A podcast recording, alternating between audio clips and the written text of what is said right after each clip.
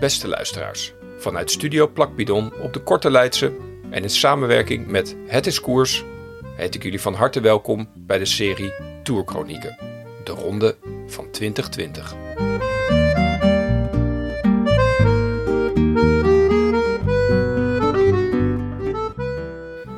De koninginnenrit zit erop en eigenlijk hebben wij luisteraars en zij renners wel een rustdag verdiend. Maar dit is de Tour en we hebben al eerder kunnen horen dat het leven niet eerlijk is. En dus staan alle overgebleven renners de volgende dag nog met pijn in de longen, pijn in de dijen en een licht gevoel in de kop aan de start van de 18e etappe. Wederom een bergrit, ditmaal van Méribel naar La Roche-sur-Foron, over 175 kilometer. Tant que je respire, j'attaque. Aldus Bernard Hinault. Ze waren als ploeg officieel onthoofd. Hun driekoppige hydra raakte al twee van zijn koppen kwijt voor aanvang van de ronde. En waar deze bij het mythische wezen nog konden aangroeien, bleef er bij hen een gapend gat over. Wat nog groter werd toen in de koninginnenrit van gisteren hun enige overgebleven kop het niet meer op kon brengen om op te stappen. Er was geen kopman meer. Niemand om je voor op te offeren of om je voor leeg te koersen. Een lastig pakket voor een team samengesteld uit de crème de la crème van de rijdende knechten. Louter superdomestieks die hun bestaansrecht in grote mate ontlenen aan het hebben van een kopman waar zij zichzelf voor wegcijferen.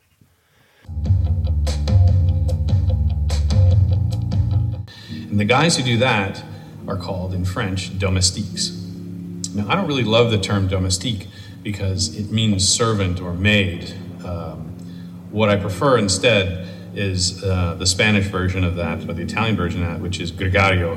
Uh, and that comes from the Latin base word of gregarious. And what it means is basically like your best friend, someone who will always be there next to you, someone who will always be to help you. And that's what these guys do for the team leader. They may be athletically every bit as strong as the team leader. It's just that psychologically they don't like the pressure of having to close the deal. They don't like the pressure of having to be the one that everyone is looking to towards winning. They just want to be the one who can help somebody else win. Zoals wel meer superknechten had ook onze held van vandaag in het verleden de spotlights en de verwachtingen op zich gericht om als mogelijk kopman hoge ogen te gooien in de grootste koersen. De monumenten daargelaten steekt het wereldkampioenschap natuurlijk met kop en schouders boven andere eendagskoersen uit. Wie wil daar nu niet schitteren? Wie wil er nou niet in dat meerkleurige baken van succes een heel jaar rondfietsen? Maar daarover later meer. Bij de teambespreking voorafgaand aan de Koninginnenrit, toen bekend werd dat Egan Bernal niet zou opstappen, was teambaas Brailsford heel duidelijk geweest. De knop moet om. Het klassement bestaat vanaf vandaag niet meer. Na bijna acht onafgebroken jaren van succes met Bradley Wiggins, Chris Froome en vorig jaar Bernal zou het grote team Ineos dit jaar de Tour niet winnen. Strijdend voor hun kopman had het team nog geen enkele etappe weten te kapen en stond de teller op een dikke nul.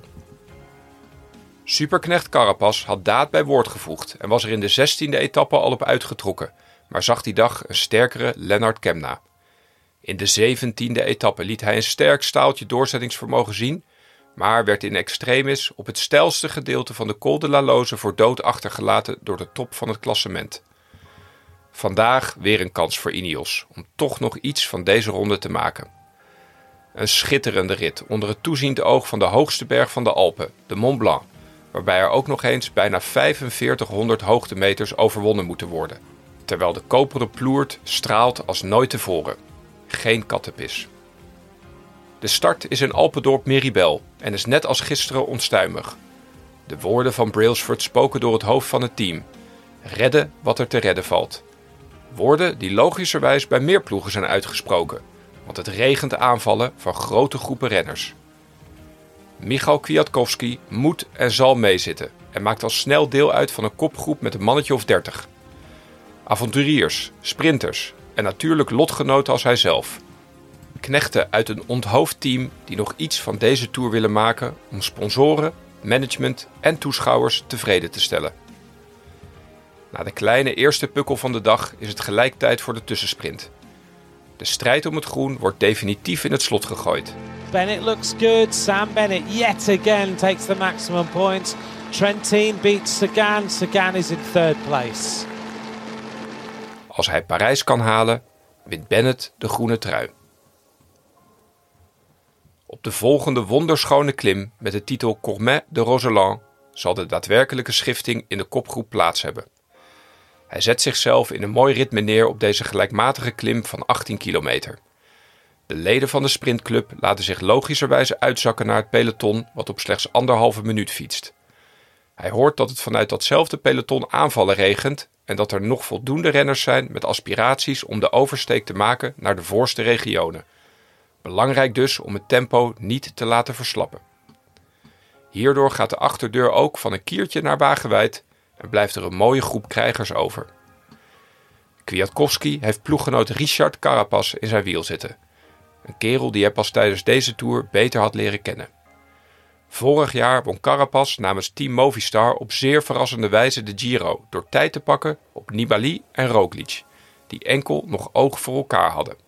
Ineos liet niet lang op zich wachten om deze Ecuadoriaan snel aan zich te binden. Een klasbak, dat had hij ook al snel in de gaten.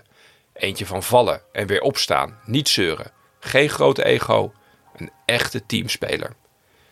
Iemand uit een compleet ander land, maar wel uit hetzelfde straatje. De top naderend van de Roseland is er toch iemand die zich niet kan bedwingen. De solist Hirschi heeft een voorliefde voor lange ontsnappingen. Heeft met Carapaz in zijn wiel als eerste de top bereikt en zit nu vol door in de afdaling. Kwiatkowski moet alle risico nemen in de afdaling om het gat te dichten naar Hirschi en ploeggenoot Carapaz. Risico nemen in de afdaling. Dat is iets waar hij mierzoete herinneringen aan heeft overgehouden. Onvermijdelijk is het voor Michal Kwiatkowski weer even 2014. Ponferrada in Spanje, het WK op de weg.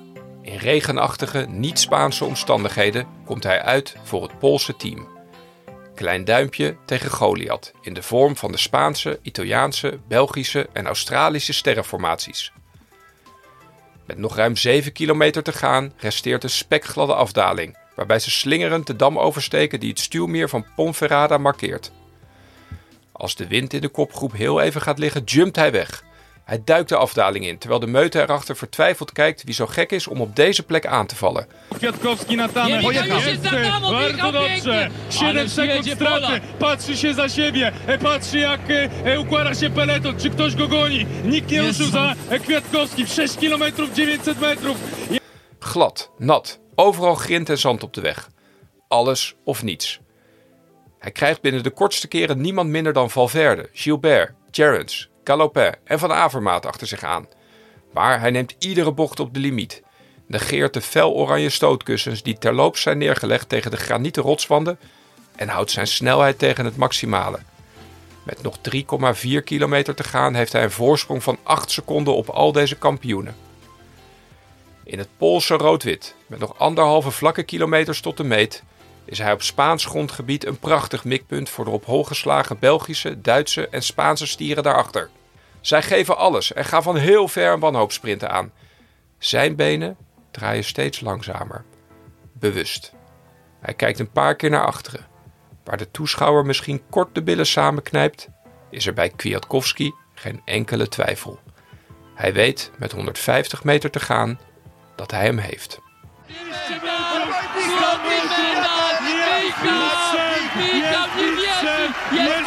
Świata! Jest Michał Kwiatkowski! Jest mistrzem świata! Michał Kwiatkowski! Michał- Kwiatkowski, mistrzem świata! Brawo! Brawo, Jest, Michał! jest, Brawo, jest. Michał! Een heerlijke overwinning. Maar Kwiatkowski wordt door zijn huidige werkgever niet betaald om etappes te winnen. Voor persoonlijke ambities is binnen Ineos geen ruimte. Maar wanneer de kopman verdwijnt, veranderen ook de regels binnen het team. En dus zet Michal alles op alles om naar Carapaz toe te rijden. Terwijl van de gehele kopgroep alleen Pelle Bilbao in zijn wiel kan blijven. Bij de volgende berg, de Col de Cèze, werkt het viertal voorin goed samen. Waarna hij en Carapaz besluiten hun ploegenovertal te benutten. Kwiatkowski gaat doen wat hij goed kan. Hard dalen en hij knalt omlaag. Hirschi wil duidelijk de aansluiting behouden, wordt tot het uiterste gedreven wanneer Kwiatkowski het welbekende gekletter van mens en machine op asfalt hoort.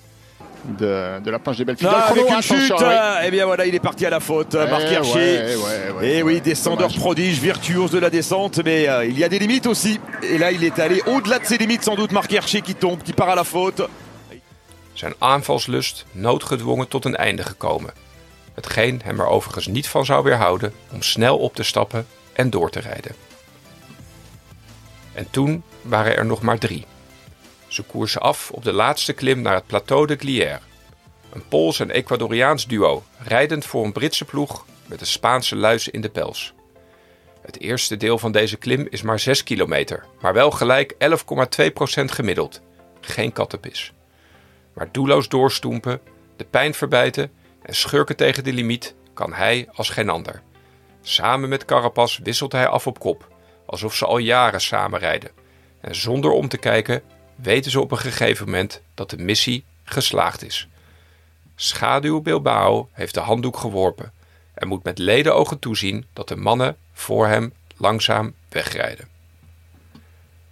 En toen waren er nog maar twee. Bilbao est distancé deux hommes en tête, de Ineos de Grenadiers, Carapaz et Kwiatkowski. Carapaz and Kwiatkowski all alone as they've reached the plateau de Glières.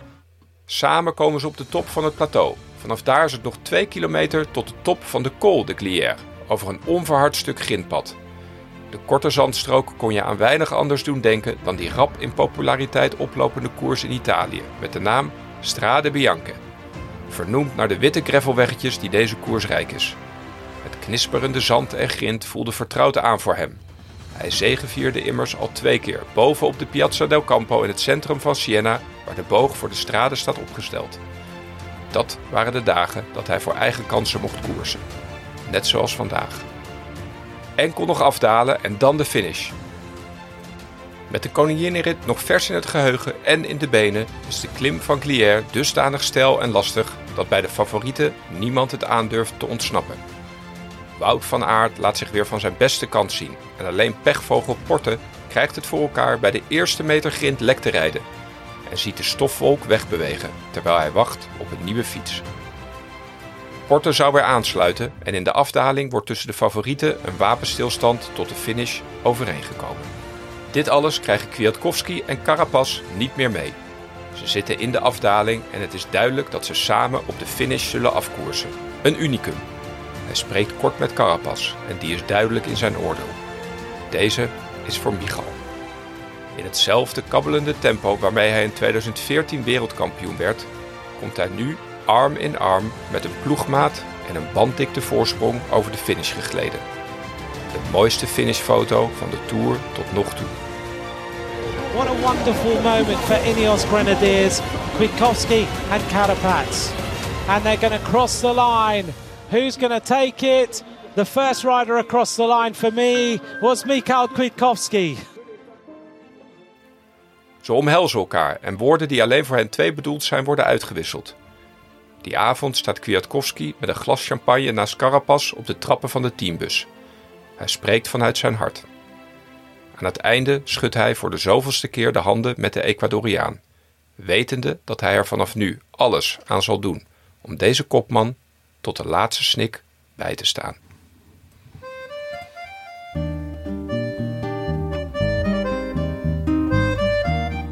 Etappe 19.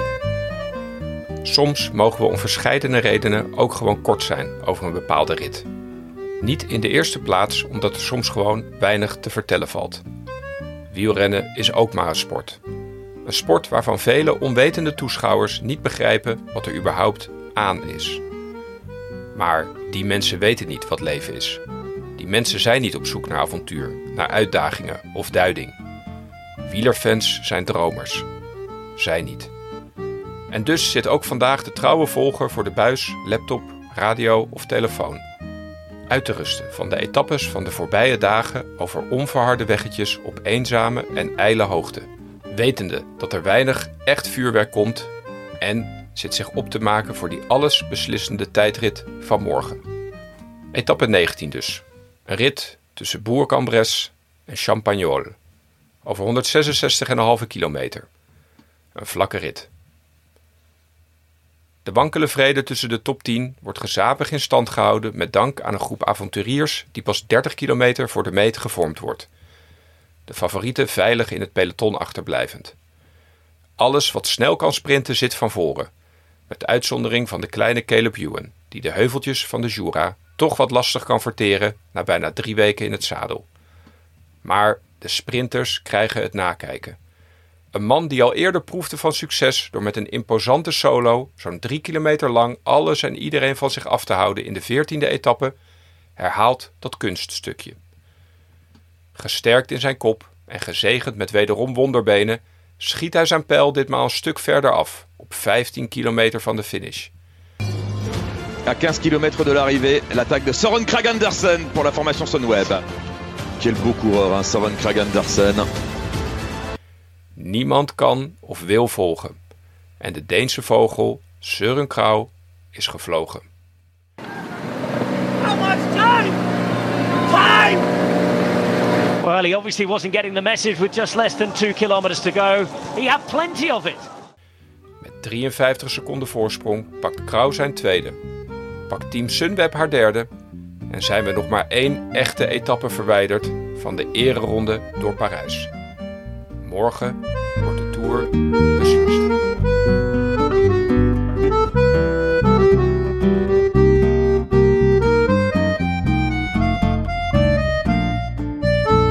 Bedankt voor het luisteren naar deze aflevering van de ronde van 2020.